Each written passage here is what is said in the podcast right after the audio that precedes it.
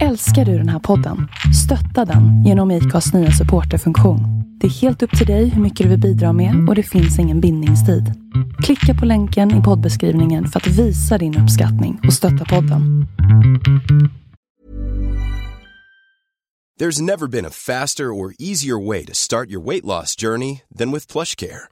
PlushCare accepts most insurance plans and gives you online access to board-certified physicians who can prescribe FDA-approved weight loss medications like Wigovi and Zepbound for those who qualify. Take charge of your health and speak with a board-certified physician about a weight loss plan that's right for you. Get started today at plushcare.com slash weight loss. That's plushcare.com slash weight loss. plushcare.com slash weight loss.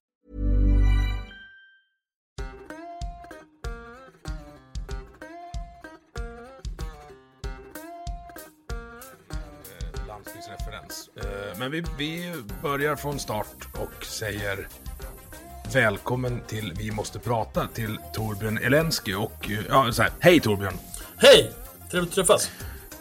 Superglad att du tog dig tid Eh, och för transparensen så är det så att eh, första gången jag har träffat, eller enda gången jag har träffat Torbjörn så hade han en föreläsning på en kurs som jag går eh, för att bli någon slags ledarskribent. Och eh, ja men så här, du golvar mig lite där uppe på båt, båtdäcken om man ska kalla det. Jaså, det var inte meningen. Va, hur, hur, hur då menar du? Nu gick du från datorn igen. Ja, nej, nej, nej, det var bara att jag glömde, Ah, ja. glömde bort det. Jag skulle hämta kaffekoppen, så var det. Vänta. Ja, bra. Nu har jag kaffekoppen. Så. Nu rör jag mig inte. Alltså, Ja. Jag kommer ju som poddlyssnarna vet och som du säkert har förstått från skogen och Ja. eh, har en liten, liten, vad ska vi kalla det, annorlunda bild av kultur och kultursidor än den du gav.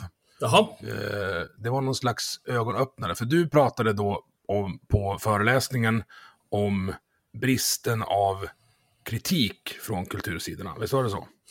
Ja, det kan man väl säga, absolut.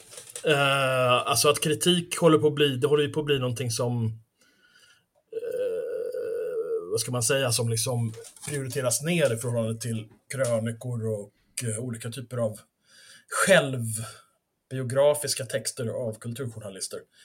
Jag vet inte, folk kanske vill läsa det, men jag vill inte läsa det.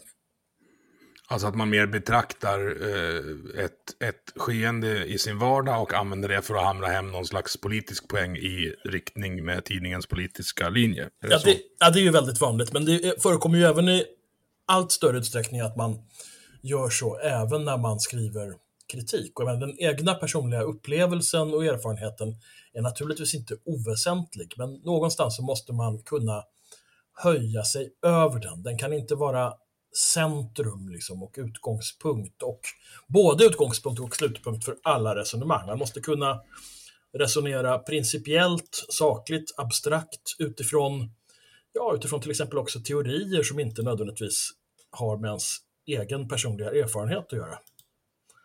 Och det är ju mycket svårare förstås och det kostar mycket mer ansträngning, det vill säga även pengar, för att alla, någon måste ju vilja betala för det här också. Och uppenbarligen så är ju eh, redaktionerna allt mindre beredda att betala nämligen för den tid som det här tar. För det kräver mycket mer tid naturligtvis att läsa på ämnen ordentligt och att eh, sätta sig in i sakförhållanden än att skriva om sig själv. Sig själv, det är det enklaste man kan skriva om. Mm. Det är bara att Man blir, någon och köra. slags kultur, man blir någon slags kultursideinfluencer som, eh, vad ska jag säga, lanserar kåserier Ja. istället för... Ja, kåserier och ytterst är det ju så då att produkten man lanserar är helt enkelt sig själv. Och det hänger ju ihop med, det är ju inte bara det att de här redaktionerna och redaktörerna är oerhört dumma och onda, utan det handlar ju också om hur vår offentlighet eh, idag ser ut. Att det är så otroligt eh, personfixerat på ett märkligt sätt. Att man liksom, folk säljer sig själva så att säga när de skriver. Varje artikel är också en sorts, eh, vad heter det, en sorts eh, casting för nästa artikel. Och ju bättre, ju mer man lyckas bygga upp sig så att säga som en sorts persona i offentlighetens ögon, desto större chans har man att få mer utrymme. Somliga har ju lyckats bättre med det här än andra. Och det är inte så att alla de här automatiskt är dåliga skribenter. Det är bara det att när det här maneret äter sig in i allt, överallt, så gör det någonting. Det förstör så att säga det här kritiska tänkandet, det opersonliga kritiska tänkandet som också är viktigt. Och då är det så att det här problemet det växer ju även inom akademin numera, eh, när det är mer och mer förekommer mer och mer så att säga, ifrågasättande av eh, vad ska jag säga, alltså för att uttrycka sig lite slarvigt då, klassiska kunskapsideal, eh, teorier och så vidare. Eh, till förmån för det här liksom eh,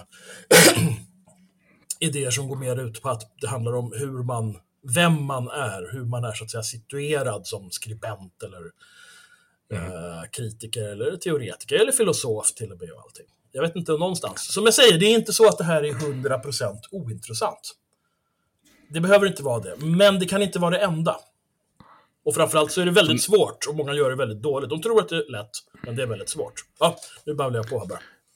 Nej, men det är, det, det är därför du är här. Eh, men som du säger, alltså, det finns en sjuka där man fokuserar på vem som säger saker istället för vad som faktiskt sägs. Ja.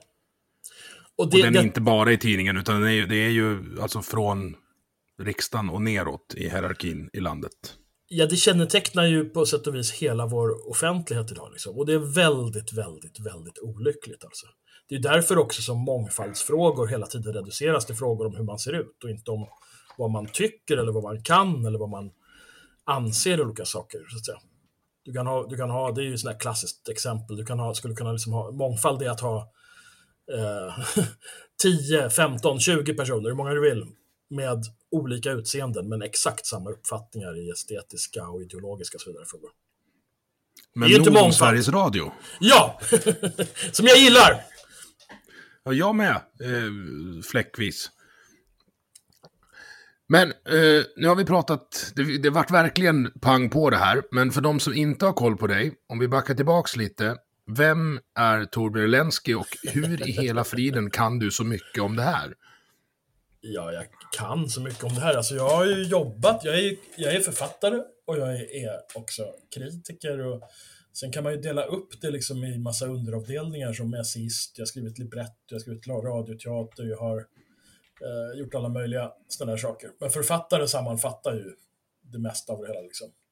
Jag har gjort en massa obs-inslag för övrigt i public service också. Eh, skriver ofta mm. understrecket i tidningarna Access, understrecket i Svenska Dagbladet alltså, och i tidskrifter som Access och Respons och eh, ibland i Fokus och på andra håll också. Liksom.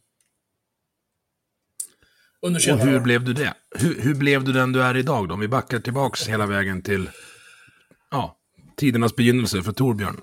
Alltså det är ju väldigt, det är väldigt svårt att säga på ett sånt här enkelt sätt. Man kan säga så mycket som att jag har, ända sedan jag var liten, har jag läst massor. Och jag har hela tiden varit intresserad av, egentligen för att förenkla hela, jag har varit intresserad av sånt som är svårt att förstå. Ju svårare någonting är, desto mer intressant tycker jag det är. Sen är jag tyvärr väldigt dålig på naturvetenskap, det är liksom för svårt för mig. Men jag närmar mig det också på olika sätt. Men jag har hela tiden velat lära mig saker, jag har velat göra nya saker, jag har velat utvecklas. Jag har aldrig sett det hela som en sorts... Eh, alltså jag, det är väl också en personlig läggningssak. Jag har aldrig varit intresserad av den här typen av självförverkligande och självbekräftelse som jag uppfattar som att så himla mycket av samtiden bygger på. Men antagligen är väl det på något indirekt sätt, men jag får liksom min eh, självbekräftelse genom att lära mig saker och utveckla mig och göra nya saker.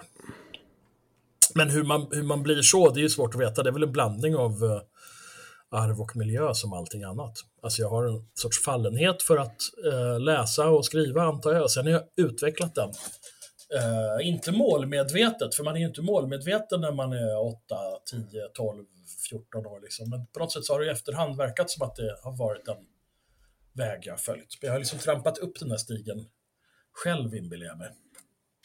Samtidigt som jag har gått den. Mm. Ja, för det, när, när jag skulle försöka beskriva dig här, vem jag ska uh, prata om, är att du är... Jag ser dig som någon slags... vad ska vi kalla det, stilist med metaperspektiv. Alltså du skriver om kulturen medan du är en del av den, både som konsument och producent. Men eh, Ja. kanske framförallt betraktare och författare. Ja, absolut. alltså, absolut. Det är ju, apropå det med framförallt som betraktare, så är det ju, det är ju ett faktum som ganska många missar idag, som också hänger ihop med det här, den här selfie-grejen och beskriva om sig själv-grejen. Att för varje timme man kan sitta och skriva på en roman eller på en essä eller på en artikel på någorlunda fruktbart sätt, så ligger det flera hundra timmar läsning. Alltså så ska proportionerna vara från det. Man, Mm. måste, man måste läsa fruktansvärt mycket för att lära sig skriva och för att lära sig faktiskt tänka. Och då måste man ju läsa även sånt som inte ligger i linje med vad man själv bara tycker är roligt eller bara skulle instämma med från början. Utan man måste hela tiden inse att det finns ett, liksom ett, ett viktigt ett arbete också som man har att göra med sig själv. Precis som den som ska bli hockeyspelare måste arbeta med sig själv. Den måste gå upp och träna och måste hålla på och slå puckar mot mål i flera timmar. Sen spelar man kanske Och match. jättemycket skridskor.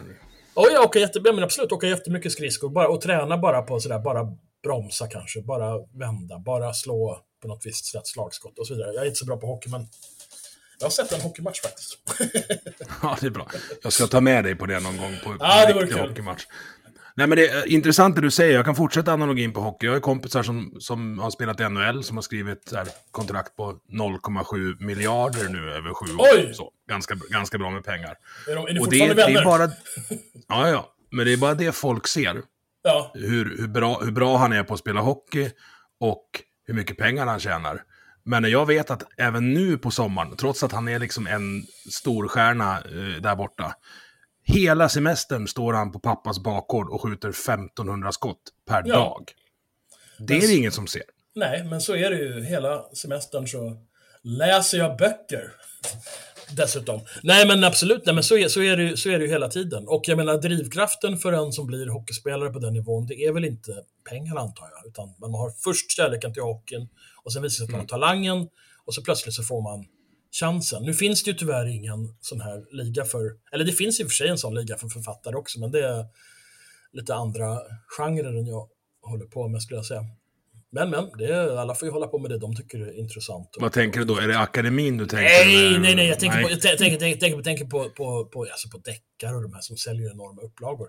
Det är fantastiskt. Jag känner själv en del sådana. Det är alldeles utmärkt att de gör det. Eh, alla liksom gör ju det de är intresserade av. Jag tror ingen av dem som håller på med det har, har liksom gör det Um, eller de gör det kanske delvis för att de vill tjäna pengar, det tror jag nog. Men, men de, det är inte, de är inte bra på det för att de vill tjäna pengar, utan de är bra på det för att de också har gjort det här andra jobbet först. Å andra sidan finns det en sak som verkligen skiljer kultur och litteratur och tidningsskrivande från till exempel hockey, men också från musik vill jag säga. För om man spelar man hockey eller överhuvudtaget utövar någon idrott där det handlar om att få resultat, då är man ju själv tvungen att vara där ute, eller hur? Man måste själv göra jobbet. Mm. Man måste själv träna, man måste själv göra mål, man måste själv hoppa högst eller längst eller springa snabbast eller vad det är. Och motsvarande gäller ju så att säga i musik. Om du ska spela en pianokonsert eller om du ska spela en rockkonsert, det spelar ingen roll. Om du inte kan spela så kommer folk att märka det och folk kommer inte vilja gå på din konsert. Ingen kommer vilja ge dig jobbet. Men i litteraturvärlden är det dessvärre så att man kan fuska jättemycket bakom kulisserna.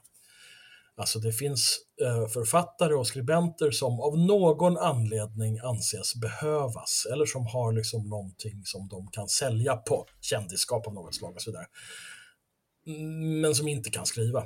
Men det går väldigt lätt då att hålla på och slipa och fixa och bygga upp det här liksom bakom kulisserna med hjälp av redaktörer och duktiga människor som med det.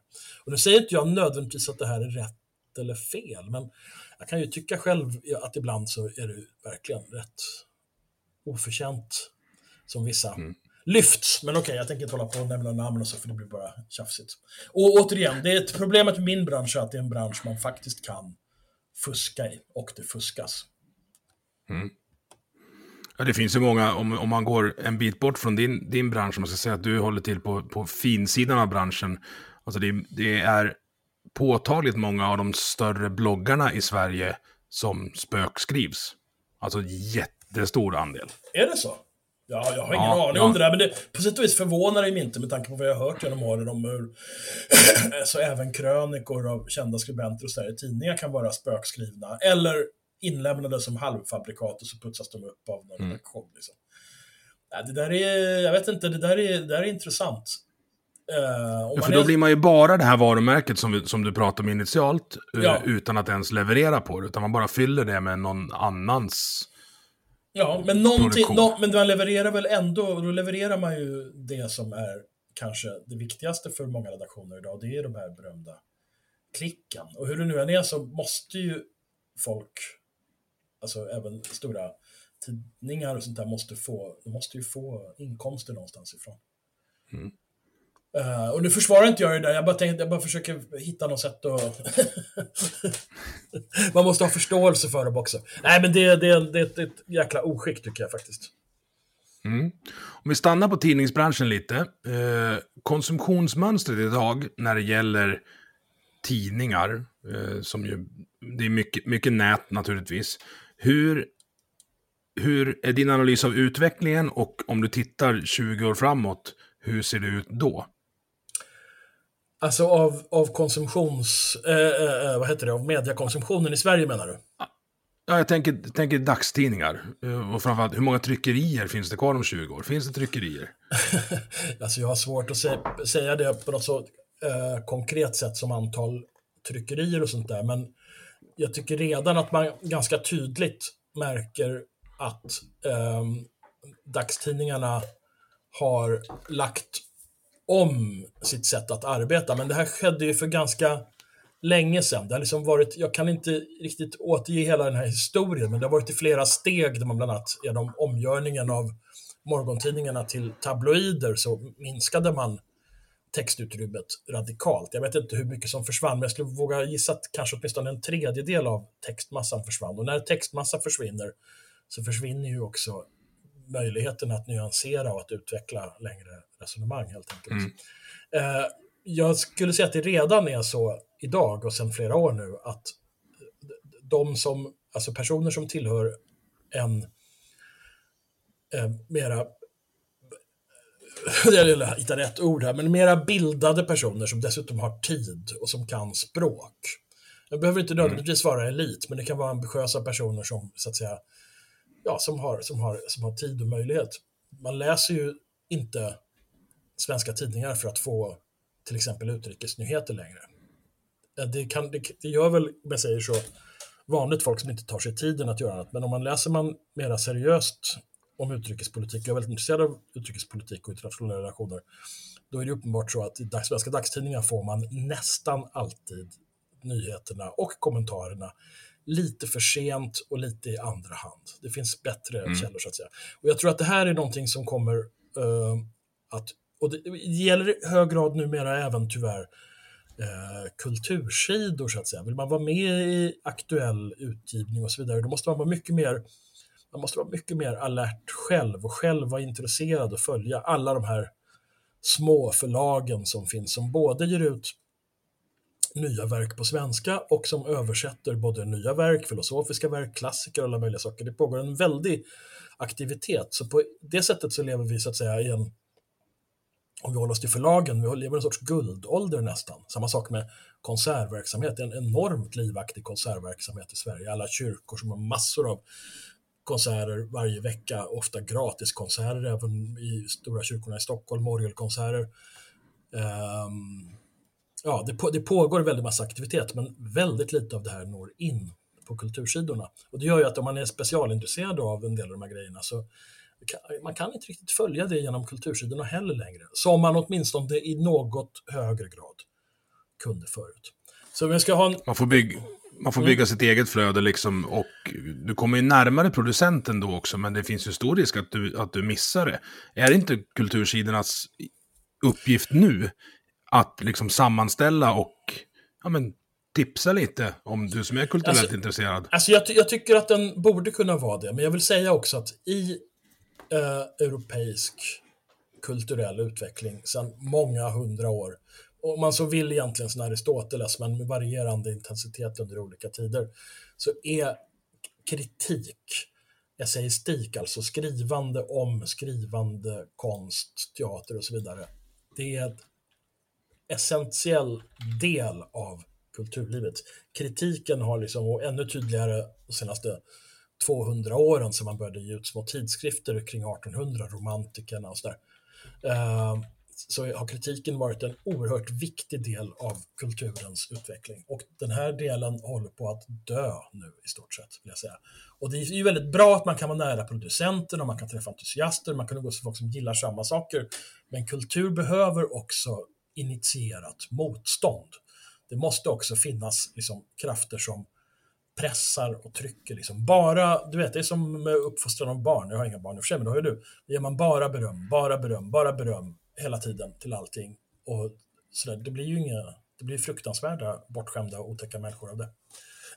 Ja, sen kommer de komma ut i verkligheten där det inte är beröm hela tiden och inte vara rustade för att hantera Nej. det. Fast, fast å andra sidan, då, andra sidan då, om man ska bara avsluta den grejen där, så, så verkar det ju som att om man ser hur vissa som är i sena tonåren, tidiga 20-årsåldern och som börjar på universitet sånt där, är, så är det ju som att de faktiskt verkligen inte klarar kritik. Är det inte på grund av det som den här, den här alla de här äh, säkra rummen och att man inte tål olika mm. ord och sånt där.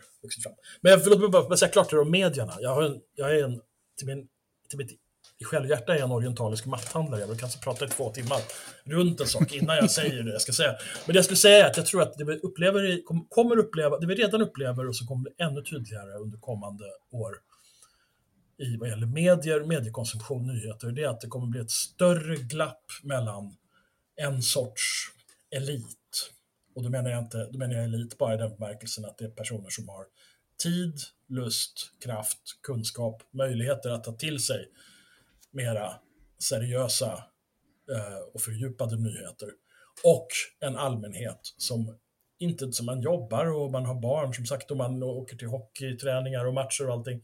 Man har inte tid kanske att sitta ett par timmar varje dag och, leta liksom i olika internationella tidskrifter eller följa speciella intressanta personer som har någonting att komma och så vidare.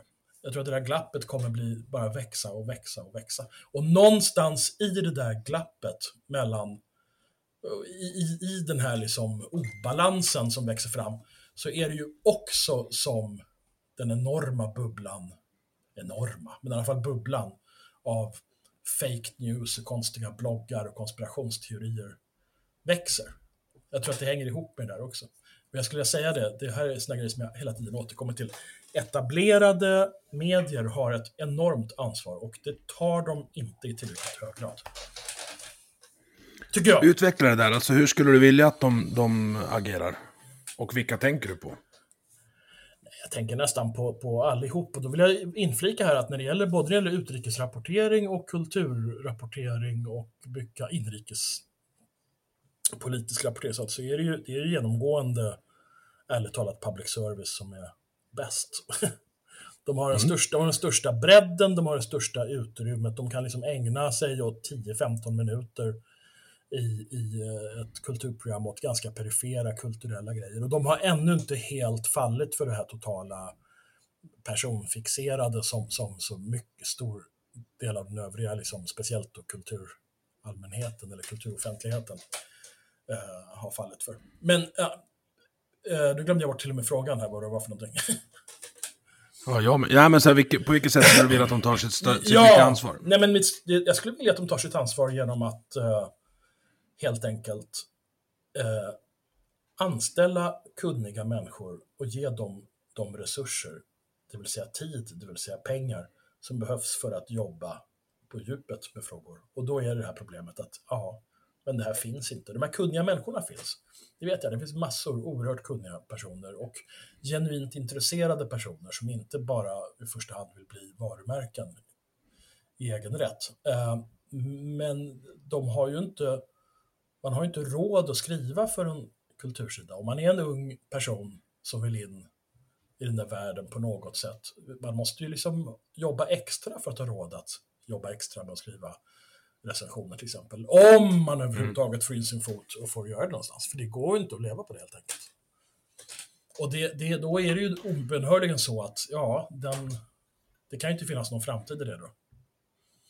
Om, men sen finns det ju alltid personer som är, det finns ju personer som är kanske ekonomiskt oberoende på olika sätt eller som verkligen är fanatiskt intresserade och som är beredda att leva på knäckebröd. och de, de sats, satsar ju på det här. Själv trodde jag från början att ja, men det här var ju en jättebra bransch, det här vill jag hålla på med. Men jag menar, om jag inte vore så vansinnigt intresserad av det jag håller på med så skulle jag ju ha bytt för länge sedan för att det är fullkomligt Uh, eh, det är ju ingen, ingen lukrativ verksamhet precis det där blir, blir väl ett problem. Eh, om man kollar, du, du pratar om att public service är bäst på det. De har ju resurser som, som ingen annan har och vill man skriva då kritik någon annanstans så är det inte nog med att man måste slåss mot utbudet från public service, utan man är också med med den, den, den lilla slant man drar in på sitt mm. kulturskribent-gig, eh, går ju delar till att finansiera sin största konkurrent. Ja, fast det är ju inte någon... Det, det handlar inte om några stora summor. Du menar, menar om skatt eller vad då?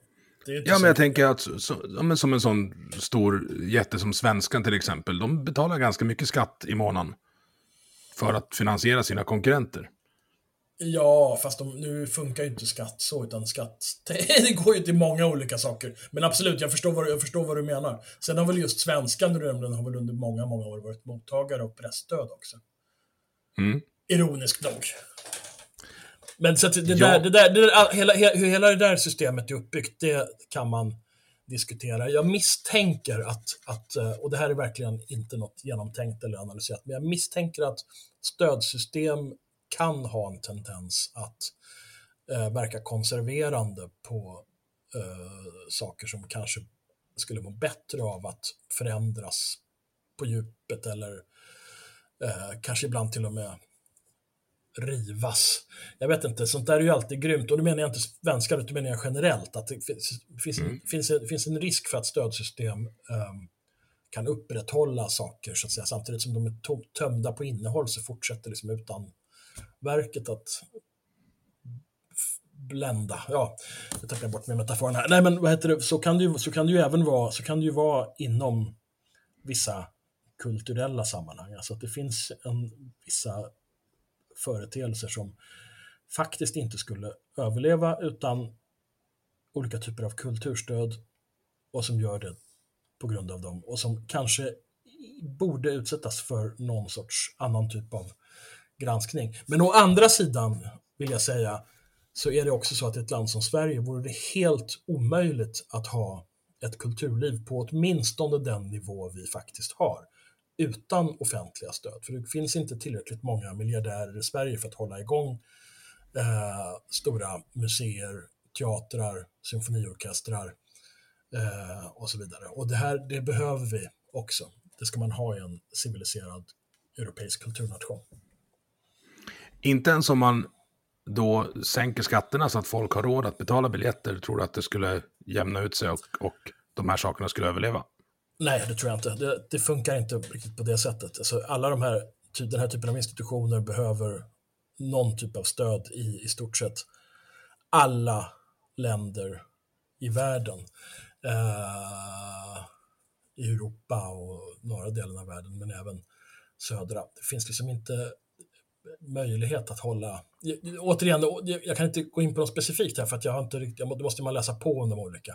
Det finns ju de här, det finns ju ställen som får något mindre stöd, så vitt jag vet. Säg som, ställen som La Scala i Milano, klassiska stora operahuset. Men då i gengäld kostar biljetterna flera tusen. Fast jag vågar påstå att La Scala också får eh, någon sorts stöd av något slag. Det är ju Europa trots allt.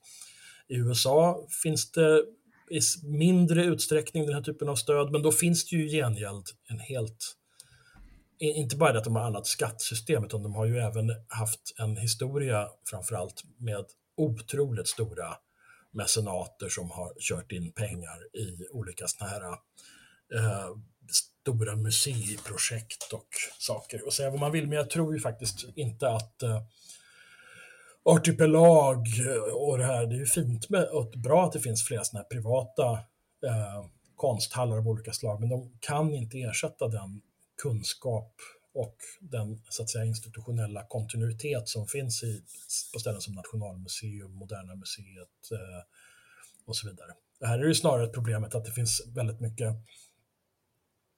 politisk och tjänstemannamässig klåfingrighet som skadar en del av de här institutionerna. Vi har ju till exempel eh, ett, en, en, en institution i Sverige, Ostasiatiska museet, som har liksom samlingar på internationell nivå, som har en fantastisk så att säga, kunskap inom institutionen, eller vad man ska kalla det för.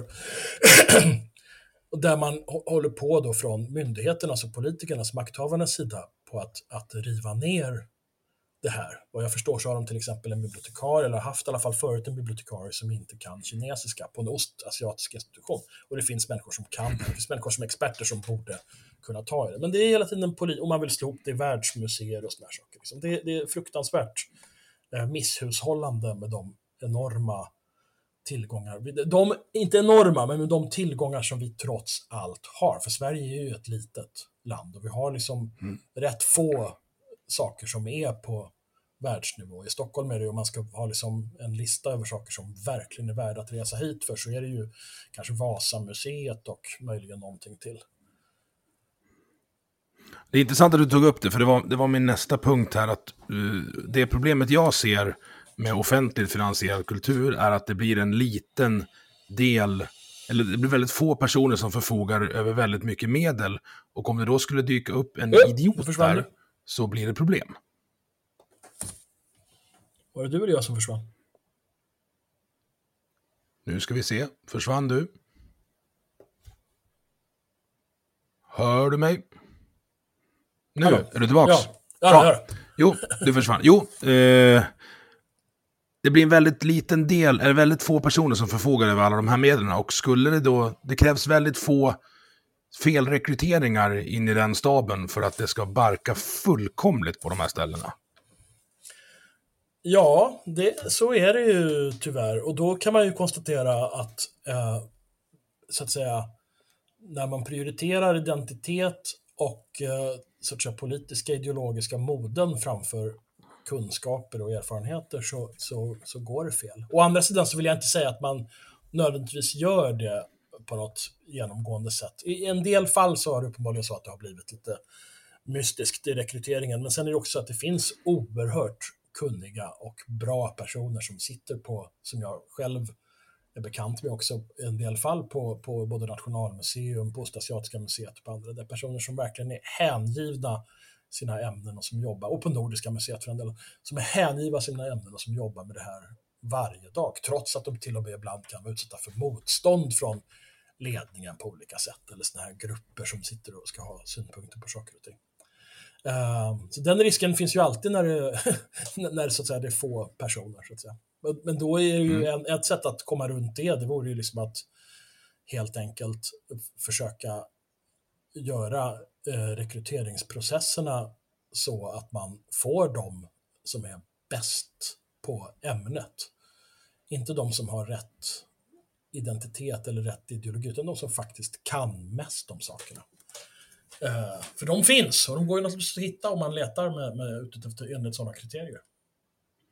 Det där blir ju då en gren eller ett slag eller ett, en gerillaverksamhet i det så kallade kulturkriget som jag har försökt läsa på. Du nämnde det när vi var på Access på föreläsningen. Hur skulle du def definiera vad kulturkriget är för oss? Tänkte du att du pratar med någon i, i skogen? Alltså ärligt talat, jag har aldrig varit intresserad av kulturkrig och skulle absolut inte betrakta mig som någon kulturkrigare, även om en jävla oförskämd typ kallade mig för det en gång för att oskadliggöra mig i ett samtal. Visserligen bara på Facebook så gör det ingenting. Jag kommer aldrig att förlåta det. Um, så att jag vet inte riktigt hur jag ska förklara det så att säga. Det pågår ju diskussion, det pågår, uh, det pågår diskussion och det pågår någon sorts kamp om resurser, det pågår uh, samtal, det pågår debatt om verksamheters inriktning och så vidare. Allting. Uh, kulturkrig tror jag det är någonting som hör hemma. Alltså det, kulturkrig förs bara i någon sorts konstiga politiska sammanhang där man till varje pris vill spetsa till allt annat. Bland oss som på allvar är intresserade så funkar det inte så. Jag tror inte att vi tänker så, så att säga. Lutar du lite närmare micken? Eller? Ja, ja, ja, jag lutade mig bakåt ja. i... i ja. ja. i, i affekt över att... Nu var det inte jag som kallade dig kulturkrigare, kom, ihåg det. Nej, nej, nej. Nej, men, nej, alltså, nej. När, när jag googlar eh, en före detta poddgäst, Lars-Anders Johansson, som du säkert eh, har några beröringsytor med. Ja, då, honom känner han- Han är, mycket, han är mycket trevlig och mycket bra person. Ja. Men han Osak- hävdar då att kultur... Ja, Mm. Nej, han hävdar. på, att, på ena sidan står det ett etablissemang som distanserar sig från medborgarna genom att en liten men högljudd medieproducerande grupp försöker köra ner åsikter och narrativ i halsen på en folkmassa som inte vill ha dem.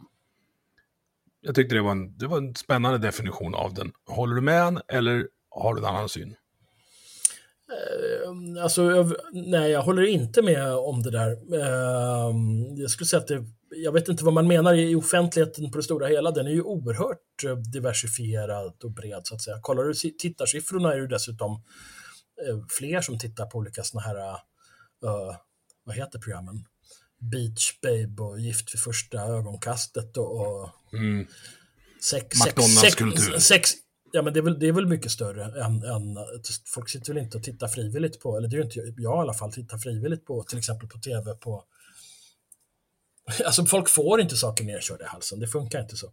Men om man får någonting nedkört i halsen idag så är det väl egomaniacs och det får man tyvärr även på kultursidor. Och eh, jag vet inte, ja, alltså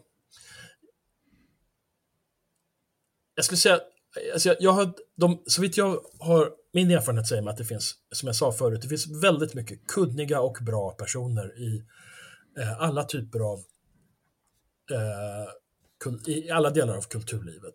Inte minst bakom kulisserna, på museer, eh, runt musik, runt klassisk musik till exempel. Det finns fru- otroligt kunniga personer. Vi har ju många svenskar i det sammanhanget som dessutom är stjärnor internationellt, inte minst sångare.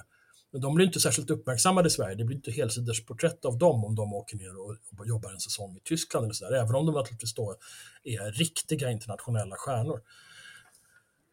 Eh, så att det här, det här sen, sen, finns sen, finns det, sen finns det ju en liten ideologiskt motiverad del av offentligheten och den är väl i hög grad centrerad kring, skulle jag säga, kultursidor helt enkelt. Och är det någonting som är ett problem i Sverige så är det, det är inte bara det att de här kultursidorna i hög grad har abdikadet, ab, äh, ursäkta, abdikaderat, abdikerat från delar av det jag anser borde vara deras eh, ansvar, alltså den här kritiska verksamheten som går lite mer på djupet. Utan det är ju även så, och, och att man bygger de här ego-grejerna, jag-journalistik och så vidare, utan det är också där som de knasigaste politiska grejerna ofta utvecklas. Alltså det finns ju på kultursidorna numera fler och fler skribenter av sorts kröniketyp som tar plats och som man tittar så har de aldrig skrivit en bok. Eller de har kanske skrivit någon bok någon gång, men ofta har de inte ens skrivit en enda bok. De har varit redaktörer för någon annan tidning. De rör sig liksom i någon sorts konstig medial liten isolerad värld. Ehm, där finns det ju en del som, som då naturligtvis vill köra ner sina morotsfärgade luggar i käften på andra. Men om andra inte gapar så kan de inte det. Och det är ju nästan ingen som läser det där så vitt jag vet. I alla fall ganska få. Det är inte så att det påverkar landet. Så mycket som eh, tv-program på TV5 och så vidare påverkar landet. Det påverkar ju mycket, mycket, mycket, mycket mer. Och där finns det ju ingen som försöker köra ner sånt där, utan då är det tvärtom silikontuttar och uppblåsta läppar och sånt som gäller. Det är inte särskilt vänsterradikalt. Nej, det, det kan... Men att, att de inte gör det här, jag vill bada kvar i den här Ja. lilla, vad ska vi kalla det, ångestpölen då. Men att, Ja. att, att de inte gör det, beror det på Att de inte gör efterfrågan? vad? Att de inte gör det du tycker att de ska göra. Att de, att de fastnar i det här egocentrerade kröniketramset. Att idag såg jag en hund och de, någon tog inte upp efter den. Och oj vad arg jag är på det. Och därför tänker jag att vi ska rösta så här i valet. Alltså den typen av, Ja. av krönikor är ju, som du säger, ganska vanliga.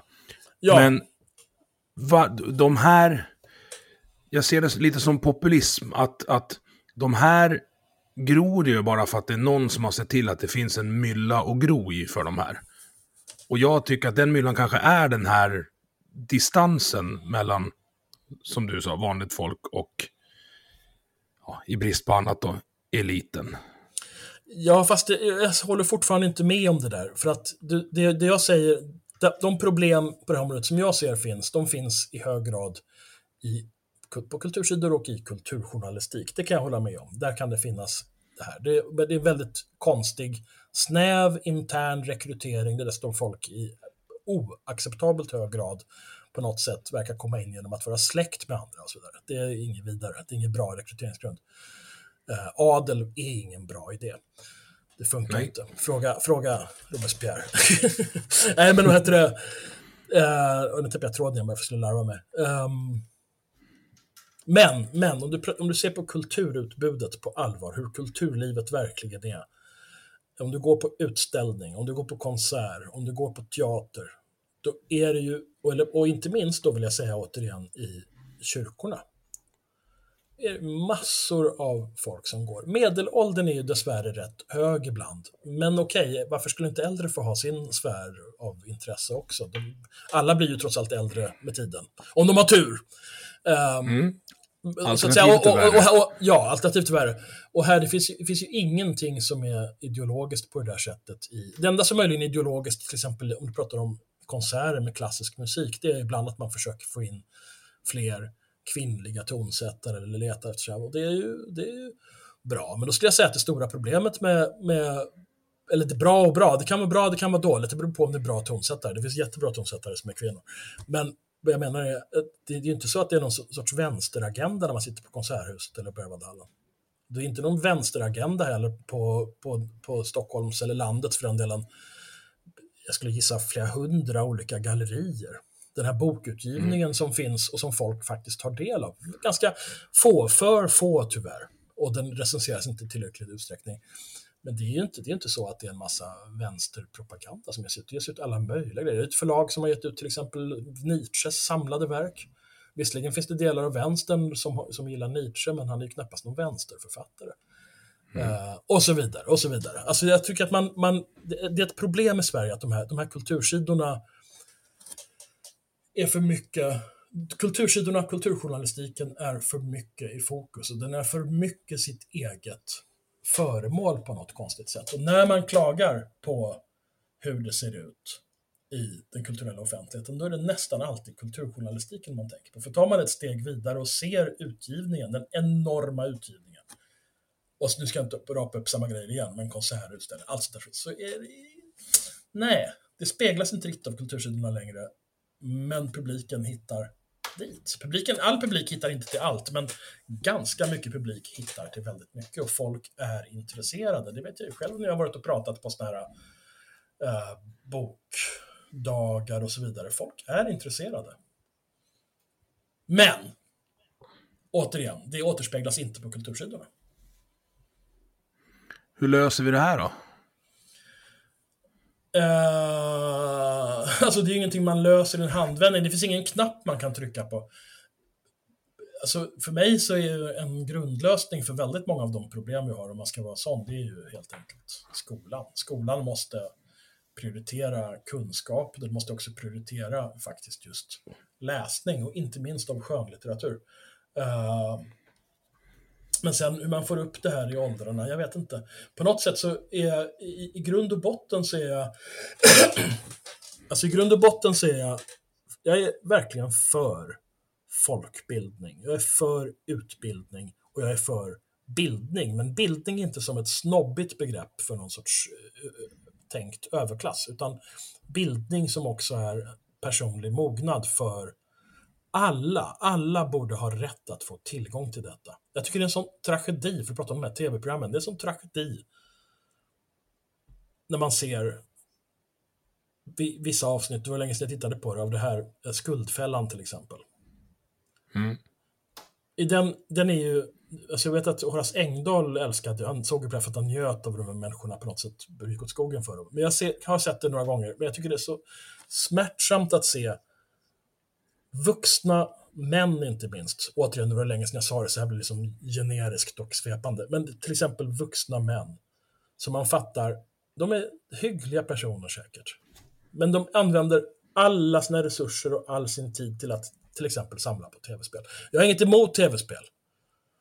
Jag har inget emot tv-spel, men det är någonting som är så fruktansvärt sorgligt tomt i det här. Att se människor som har passerat 30 och det enda de kan tänka sig att göra är att köra någon hoj, spela tv-spel.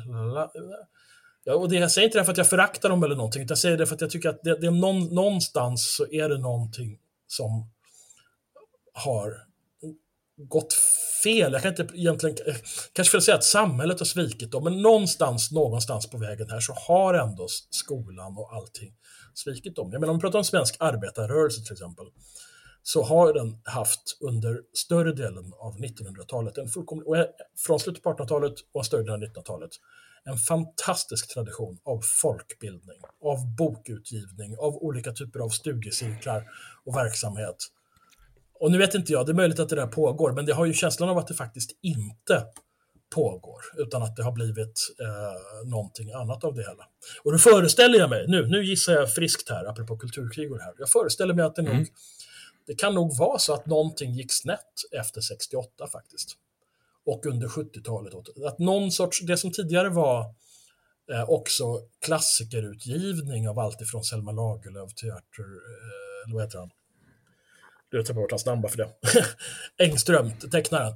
Och, och liksom sånt där. Allt sånt där som fanns faktiskt i vanliga svenska hem ända in på 60-70-talet i alla fall.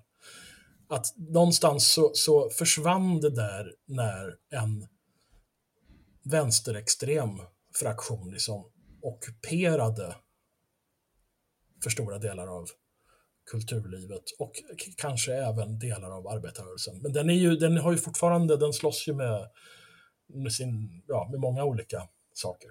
Men nu blev jag lite svepande, det låter som att vi pratar om ja, kultur, det... kult, kulturkrig igen och det, på något sätt så är det jag tycker att det där med kulturkrig, det är, för ladd, det är, för, det är en laddad term som får en att tänka på ledarskribenter som står på varsin barrikad och den ena säger att uh, alla ska vara hen och den andra säger att nej, det finns olika kön. Och så, och det, är, det är för dumt. Det är för dumt. Det är, inte, mm. det är inte den typ av kulturdebatt jag är intresserad av. Förlåt mig, men det, det är larvigt bara. Hej, Emil här. Tack för att du lyssnar.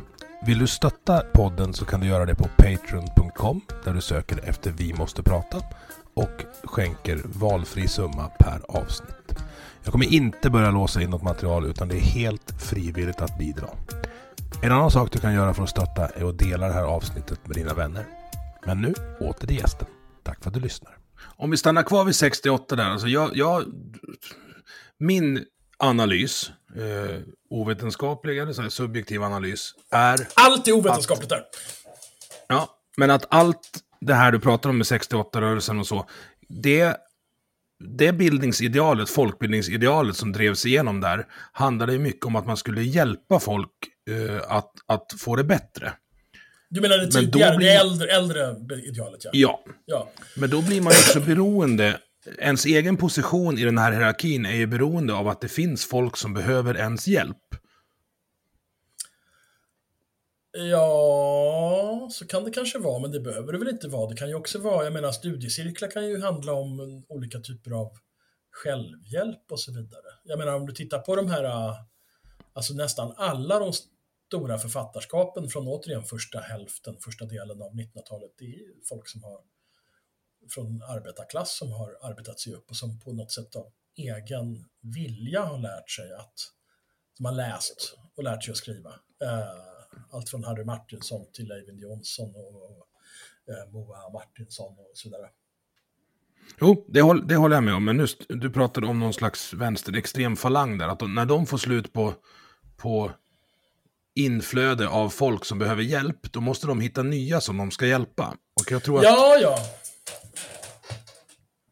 Jag tror, att det är där vi hittar, jag tror att det är där vi hittar grogrunden till det som, som ja, det här tramsiga kulturkriget som du beskrev med ledarskribenter som, som vägrar se någon slags vettighet i någon annans resonemang, utan bara tunnelser sig genom tillvaron. Ja, kanske... Du får kan... säga att jag har fel om du tycker nej, att jag har fel. Nej, nej, nej, nej, nej, nej, nej, nej, jag säger inte att du har rätt eller fel. Jag bara säger att det kanske, det kanske kan finnas uh, inslag av det. Alltså förklaringar är ju oftast, speciellt av mänskliga olika typer av sammanhang, är oftast, eller de är alltid, ska jag säga, sammansatta. Att det inte bara sex eller bara pengar eller bara makt eller bara dumhet utan det är alltid kombination som driver folk. På mm. olika sätt. Men när man ska beskriva det så, så vill man förenkla det till fördumningens gräns och göra det just absolut, till absolut. de här punkterna du tog upp nu. Och det, det tror jag är ett problem och det är något slags förakt av läsaren också. Att jag tror inte att ni klarar av sanningen så jag ska, jag ska köra den genom en kvarn och göra pölsa av den så att ni kan äta den genom sugrör. Och då ja, får så... du Sex on the beach och Farmen.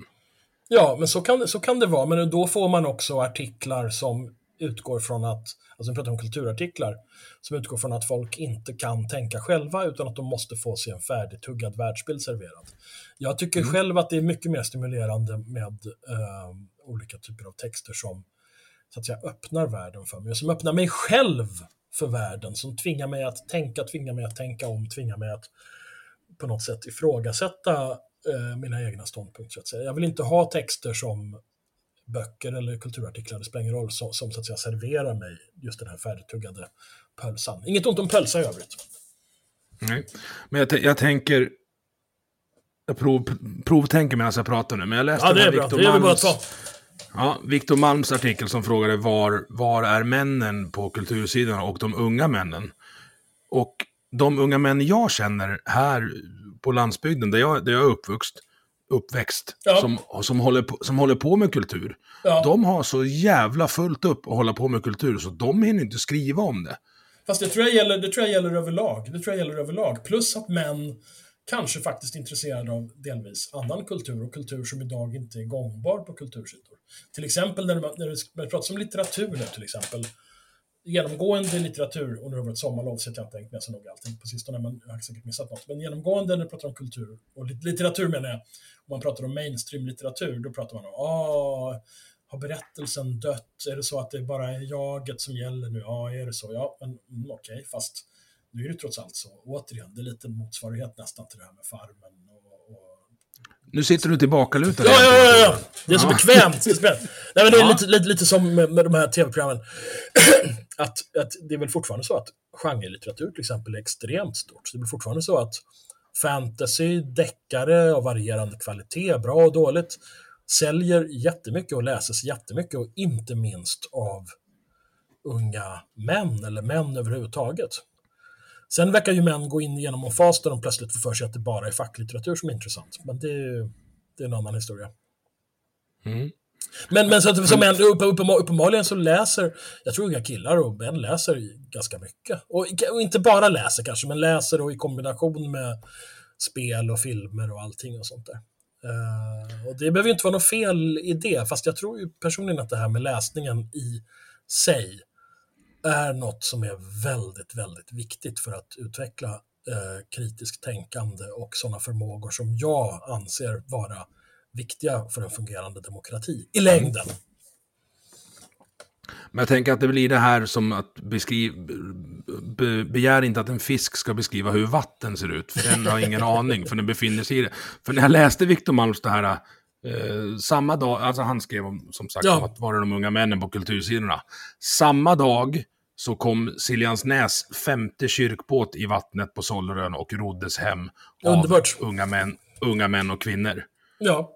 Och så det... där pratar vi kultur. Det är en båtbyggnadskultur från 1600-talet som hålls vid liv vid två sjöar i Sverige. Ja, det helt, helt och de människorna, de människorna håller ju på med det här för att de, det är så naturligt för dem att det här vill vi bevara. Men de har ju inte Victor Malm någon aning om att de ens finns, tror jag. Nej, mm, det, nej, ja, eller också vet han det, men det räknas inte riktigt och sådär. Men jag håller, helt, jag håller helt med dig. Men det där är ju samma sak som att hela den enorma konsertverksamheten i kyrkorna och säkert mycket annan sån verksamhet är överhuvudtaget inte på radarn när det gäller kulturrapportering och så vidare. Stockholm är ju till exempel, det här är en sån här käpphäst som jag skaffade mig tidiga år, en av mina bästisar, min bästis i mellanstadiet och högstadiet, han blev organist. Eh, och därför känner jag till att Stockholm kan kallas för orglarnas mecka. Vi har en fruktansvärt stor samling vackra och bra orglar. alltifrån franska barockorglar till olika pneumatiska varianter och moderna stora breda orglar. Och varje år är det orgelkonsert, eller org, orgelfestival i Stockholm, dit internationella stjärnor inom den då förvisso lite smala genren orgelmusik kommer. Men de kommer hit och de spelar. Och det må vara en smal genre på något sätt, lokalt sett, men det är ändå så att folk faktiskt reser hit från Tyskland, Frankrike, Holland, England för att gå på de här orgelkonserterna och lyssna på de här stora orglarna. Det syns ingenstans. Det är samma som det här med kyrkbåten där. Jag ska förut, apropå det så måste jag berätta för er hur det gick till när jag skaffade TV. För som alla unga kulturintresserade, nu är det ju många år sedan, eh, så, och när jag flyttade hemifrån så hade jag länge ingen TV. För jag tänkte att nej, man ska inte ha någon TV. Det är vulgärt. Man ska läsa böcker och man ska gå på krogen möjligen. Um, och gå på krogen jag... och prata om böckerna man har läst då? ja, precis. Ja. Kanske i bästa fall, jag vet inte, eller sämsta fall. Uh, men, men, så jobbade jag helger på Stockholms medeltidsmuseum där som helgvakt. Vilket också innebär att jag satt och läste i något hörn och gömde mig för, för högre chefer. Um, och då, där byggde de ju upp en kopia av en medeltida båt. Och det var en legendarisk eh, sån här eh, båtbyggare från Stockholms skärgård. Jag kan minnas all, lite fel i detaljerna här nu, men jag tror han Stockholms skärgård. hette Acke, om jag inte minns fel. Som skulle bygga den här kopian enligt alla konstens regler. Så ingenting fick sågas, utan träet skulle bilas. Alltså delas mm. att man hugger, du vet, typ så här. Det där håller du på med varje dag, så det, det behöver jag inte förklara för dig. Nej, inte uh, riktigt, men Nej, förlåt. Uh, men, men, i alla fall, jag pratade med honom, jätteintressant gammal gubbe då. Liksom. Uh, det här var ju mitten på 80-talet. Liksom. Och, så, och så pratade vi om någon anledning och det, och det kom fram att jag inte hade någon TV. Och då sa han, då sa han uh, till mig, jävla kultursnobb. Och då tänkte jag, okej. Okay. Och sen skaffade jag en TV. Var det en bra eller dåligt inköp? Jag köpte ingen, jag fick, jag fick den av en kompis som hade en gammal tv. Ja, jag vet inte, det var inte så spännande att titta på tv tyckte jag nog ändå måste jag säga. Men jag gillar ju film, så filmer brukar jag titta på. Fast på den tiden gick jag på filmklubben Cinemateket och tittade. Var går gränsen mellan kultur och nöje då? För när jag tänker du pratar om orgelkonserter och så. Eh, de andra större konserterna eh, på Friends och, och Sweden Rock och så. De kommer ju sällan in på kultursidorna, utan de hamnar ju på nöjesdelen. Fast, fast Var är i, gränsdragningen? Ja, fast i morgontidningarna så är, är det inte en gräns mellan kultur och nöje längre. Jag skulle säga att det är tvärtom. Borde det vara det? Ja, det kanske det borde. Men frågan är bara hur man drar en sån gräns. Jag tycker inte att det är så himla, det är inte så himla lätt. Det är inte så himla lätt att det finns finkultur och fulkultur. Jag tycker de där liksom, etiketterna är ganska larviga. Det finns mera svårtillgänglig kultur, det gör det. Det finns saker mm. som är svårare att ta till sig. Men dit hör ju både en del rock och en del nutida musik och konst. Mozart är naturligtvis finkultur, men det är inte svårt att ta till sig. De flesta gillar det. Och ska man titta på konsertprogrammen i Sverige så är det ju fortfarande så att det, det är väldigt mycket sån här, alltså klassisk musik från inte minst 1800-talet som dominerar. För att folk tycker om det. Det kallar man kanske mm. finkultur, men ja, det är ganska folkligt egentligen, är det inte? Jag tycker att den här gränsdragningen är jättesvår. Sen tycker jag, det tycker jag det är också påtagligt. Uh, jag är intresserad av till exempel Jorge Luis Borges, den argentinska författaren. Och han, han är, det här är ju verkligen ett, så här, fan, ett exempel på hur svår gränsen är. Han, han var personligen uh, helt... Ja, Borges han skrev alltså en sorts noveller som är väldigt... Uh, eh, idétäta kan man säga, konceptuella, liksom high concept som man kan säga i filmvärlden åtminstone. Det är, det är mm. vissa så filosofiska idéer han undersöker. Men de är väldigt underhållande. De säljs även i science fiction-affärer har jag förstått. Vilket är roligt tycker jag. För att han är liksom, det är tankelekar som, som är fascinerande. De oändliga bibliotek och böcker utan slut och, och alla möjliga sådana saker. Eh, men han var helt ointresserad av stor litteratur. Eh, han föredrog att läsa olika typer av underhållningslitteratur och hans stora idol var eh, eh, han skrev Skattkammarön, Steven, eh, jag Stevenson. Vad heter han för namn? Mm. Ja. jag tappade bort hans namn här. Uh, det är dubbelnamn, va? Är det inte det? Ja, det är dubbelnamn, dubbelnamn. Och han har även gjort en antologi som kom ut för några år sedan med Stevensons noveller och sånt där, som är då liksom delvis i alla fall eh, jättebra, raffinerade, men ändå äventyrsnoveller. The Suicide Club till exempel är med, som är väldigt underhållande. Som skulle kunna bli en bra film nu också, som säkert skulle få stora tittar, tittar, bra tittarsiffror. Så den där, så den där gränsen är väldigt svår. Sen finns det ju det finns dålig kultur på alla områden. Det finns dåliga band, eller hur? Det finns ointressant Oh ja. popmusik.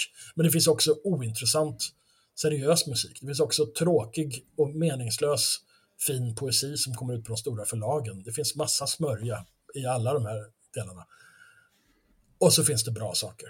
Och det här, återigen då, pratar om kultursidorna, det verkar som att det kommer tillbaka till dem hela tiden. Deras uppgift borde ju vara kanske att mm, vaska fram det här som är på allvar intressant och på allvar värdefullt och för, förklara varför det är det. Men, som sagt, inte riktigt så att de lever upp till det. Alltid. Skulle man kunna sammanfatta det, alltså ganska trubbigt, att finkultur kontra fulkultur kanske inte har så mycket med genre att göra, utan är en kvalitetsfråga? Ja, det skulle jag nog faktiskt vilja säga. Det är en kvalitetsfråga och en fråga om ambitionsnivå, liksom. Eh, eller ska säga det. Men jag menar, folkmusik till exempel, det är ju det är uppenbarligen, är det finkultur eller fulkultur? Det är klart det. Det är klart som fan det är. Att det är finkultur? Ja, Ja, ja, jo, jo, jo, absolut, absolut. Jag tycker också att det är det. Men, eller, eller rättare sagt, återigen, jag tycker att den här uppdelningen är liksom irrelevant. Men det är uppenbart så att det är också för övrigt en konstform, eller flera samverkande konstformer som väl i hög grad lever, eller hur, runt om hela landet.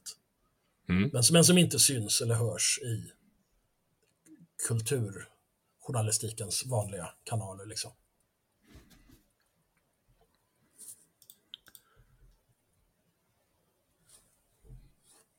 Du, vi ska avsluta med att prata dreadlocks och Ja, kulturell appropriation, vilket jag... Eh, jag betraktar mig som något, eh, nå- eller jag be- betecknar mig som tramsfobisk. Alltså jag får utslag av trams. Och Ja. jag tror att av trams. kulturell... Trams, ja. Ja. Kulturell appropriation är nog bland det tramsigaste jag har hört. Uh, ja, jag gillar ju trams då måste jag säga, men uh, annars håller jag med dig. Det där med kulturell appropriation är verkligen, verkligen, verkligen dumt. Man har blandat ihop uh, saker på ett olyckligt sätt skulle jag säga. Alltså, det finns ju ingenting, ja, nu låter jag säga polemiskt överdrivande igen, men ändå. Det, finns, det, så det har ju genom historien verkligen varit så himla viktigt med influenser av olika slag. Allt ifrån när indierna lärde sig av portugiserna som hade tagit chili från Sydamerika att använda chili i maten, vilket vi nu tycker är jätteindiskt, till Goethe då som var inspirerad av indisk dramatik, eller för den delen liksom alla de här olika influenserna som kom genom brittiska imperiet och så vidare. Eh, Det finns så mycket sådana där rörelser av olika slag som är intressanta och inspirerande i stort som smått. Och att försöka hindra folk från att ha dreadlocks eller hindra folk från att spela, jag vet inte, didgeridoo om de vill det eller vad som helst. Hitta på sådana grejer. Det är fruktansvärt, fruktansvärt dumt. Det är direkt fientligt mot allt vad levande och vital kultur heter. Men, å andra sidan, jag tror att det som är liksom roten till det här att kulturella approprieringen på att växa upp, det är, och nu kommer jag inte på något konkret fall, men det går säkert att googla fram sådana om man vill. Det är det här när, så att säga, det inom folklig tradition i ett visst område har funnits eh, någonting som är av värde, men som inte de har kunnat ehm, eh, eh, dra, eh, vad säger man, dra in vinst på. Kapitalisera Eh, på. Ja, kapitalisera på, precis. Eh, och så kommer det ett stort företag och så att säga tar den här grejen. Alltså paradexempel då, återigen abstrakt och vagt, men jag tror att det, jag tror att det går att hitta sådana rätt lätt om man googlar lite. Det är till exempel det här med olika stammar i Amazonas som har kunskap om en viss blomma som gör ditt eller datt på något sätt för hälsan. Och så kommer en stor amerikansk pharmaceutical och säger oh wow, den här ska vi lägga den här ska vi ta patent på. Så tar de patent på den och så tjänar de miljarder medan den här stammen fortsätter att vara tvungna att äta uppkokt jams. Okej, det finns inte jättemånga sådana exempel, men jag tror, jag, jag tror på något sätt att det finns, att det är därifrån som det liksom har växt och vidgats till att omfatta någon sorts allmänt så här. Nej, du får inte göra, du får inte göra saker i tenn för du är inte same, eller du får inte blåsa näsflöjt för du är inte serbisk fåraherde och så vidare. Det, det, är o- det, det, den, den grejen är bara fjantig tycker jag. För det grundar sig, både du och jag skrev om det i, i uh, veckan här, om det här uh, var det schweiziskt band som fick avbryta en konsert ja. i Bern för att de hade dreadlocks på scen och då var det någon som hade kontaktat, någon av konsertbesökarna hade kontaktat arrangören och bett dem avbryta konserten för att de kände sig otrygga på grund av kulturell appropriation. Ja, men den som anmälde alltså, det... Gå den borde, därifrån. Exakt, exakt, exakt, exakt. Det här är den princip som jag anser borde gälla alla som går och klagar, inklusive de här som vägrar att stå på scen med vissa. Det har ju varit några exempel, så Stina Oskarsson har till exempel råkat ut med det att folk har sagt till, till organisatörerna för något samtal att nej, om hon är med, då ska inte vi vara med. Men då säger man till mm. de här, nej men okej, vad bra, då behöver inte ni vara med. Nej. Den som klagar på det sättet, det är alltid den som ska visas på porten. Det tycker jag borde vara en mycket enkel princip. Ja, möjligen så här pengarna tillbaka, för nu var de inkallade som ersättningsband. Det kan jag köpa. Men de andra 200 som stod och diggade med i den här någon slags uh, pseudo-reggae, varför ska de drabbas av att någon är ja. proxykränkt? Alltså, ja, det ja, är så det, jävla det, dumt. Absolut. Dessut, dessutom som du såg där på min Facebook-sida, antar jag, så är det ju så att det här med dreadlocks, det kommer inte från Jamaica. Det kommer inte från Amerika. Det, de tog upp det i den här, äh, vad heter det, um, Rastafarianer tog upp det här så sent som på 50-talet, inspirerade av indiska äh, de här indiska, vad fan heter de för någonting nu igen, jag kommer inte ihåg det. Det finns alltså indiska, indiska heliga män som har håret i sådana här stora mm. dreadlocks och olika grejer. Och det finns ju en, flera europeiska varianter av dreadlocks. Polska dreadlocks, irländska dreadlocks, dreadlocks uh, och så vidare. Det är väl så håret blir om man inte tvättar det, är det inte så? Kulturminister dreadlocks, alltså det, ja, ja, ja. det finns det är lustigt att ingen har klagat på henne för dem, utan det, det är helt okej okay då. Men det är i och för sig Oda, bra. Jag det googlar, det, finns, det finns artiklar om det också, att det var, det var någon som, eh, på ETC som tyckte att det var appropriation också. Ja, det är bara, det är bara larvigt. Det är bara larv.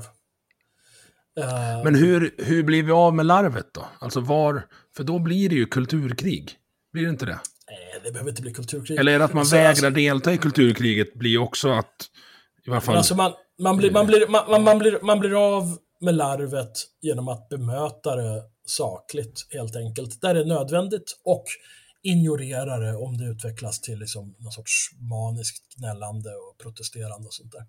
Det gäller att veta ibland också vilka strider man ska ta, tycker jag, för att man blir, mm.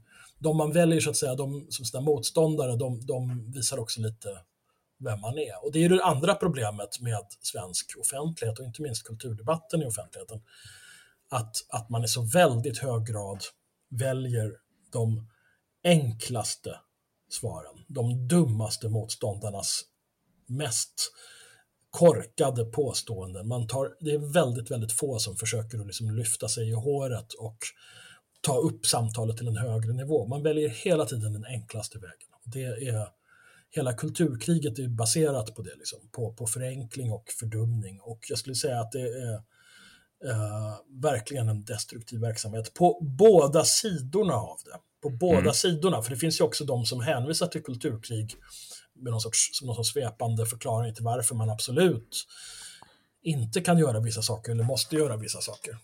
Uh, men då, då, då, ja, det är fördummande. Trams! Det finns ju ett, det finns ett first mover disadvantage där också, uh, att den som, den som försöker lyfta det till en intellektuellt hederlig nivå öppnar ju sig också för attacker på den lägre nivån. Eh, så det är någon slags nedåtgående spiral. Det finns ja, ju fast, ja, som... Absolut, men, men då måste, man måste ju lära sig, man måste lära sig att vara, ta ansvar för sin egen position och vad man själv säger. Och man måste lära sig att inte nödvändigtvis reagera på alla dumma korkade, oinsatta kommentarer man får. Jag har tränat upp, det har inte minst tack vare internet, har tränat upp en fantastisk förmåga att faktiskt ignorera saker som inte är relevanta. Det går inte att svara på allting och det man svarar på ska vara saker som är substantiella och intressanta, tycker jag. Jag menar, jag mm. råkar ju också som alla, man råkar ut för massa knasiga och dumma kommentarer. bemöter jag inte. Man kan råka ut för hatiska och groteska kommentarer. Bemöter jag inte heller, det är ingenting att säga om det. Det finns ju somliga som har gjort en grej av att de stoltserar med varenda gång de får någon sorts eh, kommentar eller svar eller mejl eller något sånt som kan tolkas hatiskt så ska de absolut dela det och visa upp liksom, åh oh, wow. Mm. Men jag menar att man blir utsatt för hat innebär inte att man har rätt. I sak. Nej, eller att man har fel. Alltså det är inte Nej, eller att man har fel någon, heller. Någon... Nej. Så att jag menar, så länge, så länge, någon, så länge saker... Jag har varit med om att, det var många år sedan nu, men jag har varit med om att det har stått folk i porten och kollat om det är jag som bor där. Jag också var med om en helt absurd grej, det måste vara 15 år sedan nu, när någon ringde och anklagade mig för att ha lurat av folk pengar, något konstigt online-spel. Och jag har ingen aning om vad det där gällde eller någonting, jag uppfattade det bara som att det var en sorts, ett, ett indirekt sätt att hota mig på något sätt. Men jag har aldrig tyckt att det där är någonting som man måste till varje pris. Alltså det är verkligen ingenting man koketterar med. Och om det blir Nej. farligt så anmäler man det. Annars så ser man till att bara hålla borta det ur offentligheten. För de personer som beter sig så har ingen, de har ingenting att komma med. Nej. Du, vi ska sluta, men för de som eh, i likhet med mig då tycker att du verkar vara spännande och vill höra mer av dig, var, var hittar man dig? Och sen ska vi även avsluta med att prata om brukshistoria. Men var, ja. vart, vart, följer man Torbjörn? Alltså, jag antar att vi kommer in på det då. Ja, jag skriver understrecket i svenskan ofta, ibland på, också på kultursidan generellt. I Access, tidningen Access, men även på Access TV. Eh, I eh, Respons, det är bara smala tidskrifter, ibland i Fokus. Sen delar jag liksom, och sen ibland då i radio, i OBS-inslag. Eh, jag har varit med i flera samtal i Filosofiska rummet där till exempel och sånt där. Uh, det finns inte liksom en sån kanal. Där jag delar ju liksom efterhand på Facebook helt enkelt. Så det är, det är väl det mm. enklaste. Mm. Men Twitter använder jag till exempel inte och inte Instagram och sånt heller. Nej. Men du, berätta om de här bruken, för det är intressant och där får man ju följa dig. Ja, alltså vad ska jag berätta? Så här är det. Jag skrev en roman för några år sedan som hette Eldungen. Som utspelar sig på ett bruk i nordvästligaste Värmland. Det är ett fiktivt bruk på en fiktiv plats, men i samband med det så gjorde jag ju massa research. Och blev otroligt intresserad av de här svenska bruksmiljöerna eh, som är spridda över stora delar av landet, speciellt så att säga mellan Sverige eh, och som är oerhört mycket intressantare och dessutom vackrare än vad man eh, kanske inbillar sig. Om man läser man om dem i tidningarna så handlar det ju alltid om bruksdöd och elände och bortflyttning och så vidare. Eh, men när man ger sig ut och liksom besöker de här ställena så visar de sig vara riktiga historiska pärlor. Många av dem. Eh, och då, som sagt, när jag skrev den här boken, jag läste på om bruk och sen var, var det en ren slump som gjorde att jag var med på en bokcirkel där vi pratade om den här boken. Alltså de som hade läst den pratade om den och jag fick svara på lite frågor. Och en mm. av dem i den här bokcirkeln, hon har doktorerat på bruk och brukspatroner. Marie Steinrud som jobbar på Nordiska museet. Eh, och hon sa att jag hade gjort en riktig beskrivning i min bok och det får man ju guldstjärna av mig för om man säger. Det visade sig att jag, ja, det var bra. Uh, men dessutom visade det sig att hon då var väldigt trevlig vi käkade lunch. Jag föreslog för henne att skulle man inte kunna göra en tv-serie om bruk? Jag menar på BBC och de här, de har ju massa program. Är det, har de om kanaler, om slott, om byar, om delar. Är det någonting? Det finns alltid någon BBC-serie och de går alltid i Sverige. Åtminstone på sommaren går det väl någon sån här BBC-serie där man åker runt till gamla hus eller kanaler och sånt där. Varför görs ingenting sånt här i Sverige? Och min första tanke var att ja, men vi skulle kunna gå till UR och frågan och sådär, men sen så, ah. Och så eftersom jag skriver i Access och Access har sin egen tv-kanal så presenterade vi helt enkelt för, först för Katta Neuding som jobbar på Access. Uh, och för, för, henne och, och för PJ Anders Linder, men det var så här, ah, det är lite dyrt att göra sådana här program och Access-TV, de köper in program och sen är det mycket deras egna seminarier och konferenser och sådär som de sänder. men sen var det tur i oturen. Klassiskt Kalle Anka-äventyr i bruk mm. för övrigt. Tur i oturen. Favorit i repris. Um, att det här, det här covid-eländet gjorde att det var lite färre seminarier och konferenser och sånt än vanligt. Och det betydde att Access-TV behövde lite mer material. Så till slut kunde Katta Neuding då, som är seriens producent och regissör, eller regissör, jag vet inte vem som har vilken titel, vi gör allt tillsammans, liksom, eh, övertyga Access om att ja, ni får chansen, ni får göra fyra avsnitt om svenska bruk.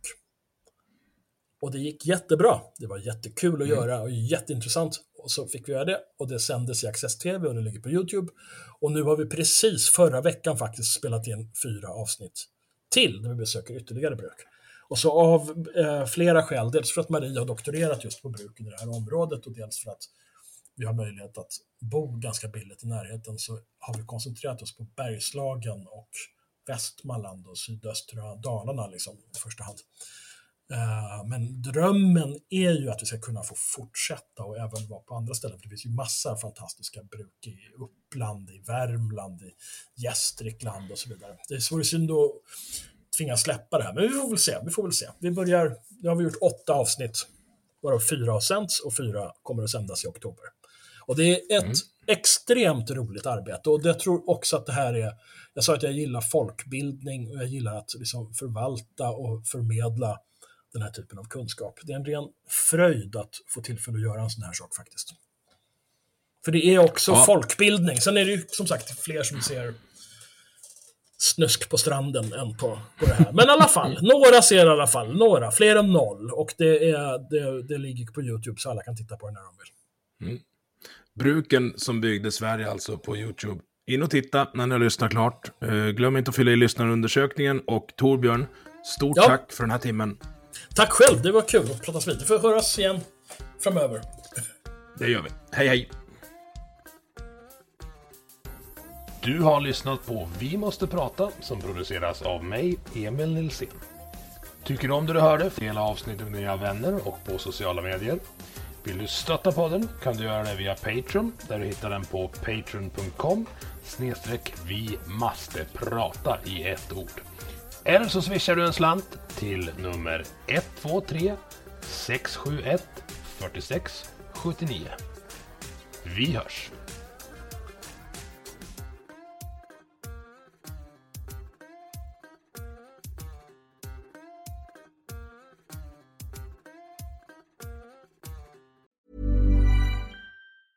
Hey, it's Danny Pellegrino from Everything Iconic. Ready to upgrade your style game without blowing your budget? Check out Quince. They've got all the good stuff shirts and polos, activewear, and fine leather goods, all at 50 to 80% less than other high end brands. And the best part? They're all about safe, ethical, and responsible manufacturing. Get that luxury vibe without the luxury price tag. Hit up quince.com slash upgrade for free shipping and 365 day returns on your next order. That's quince.com slash upgrade.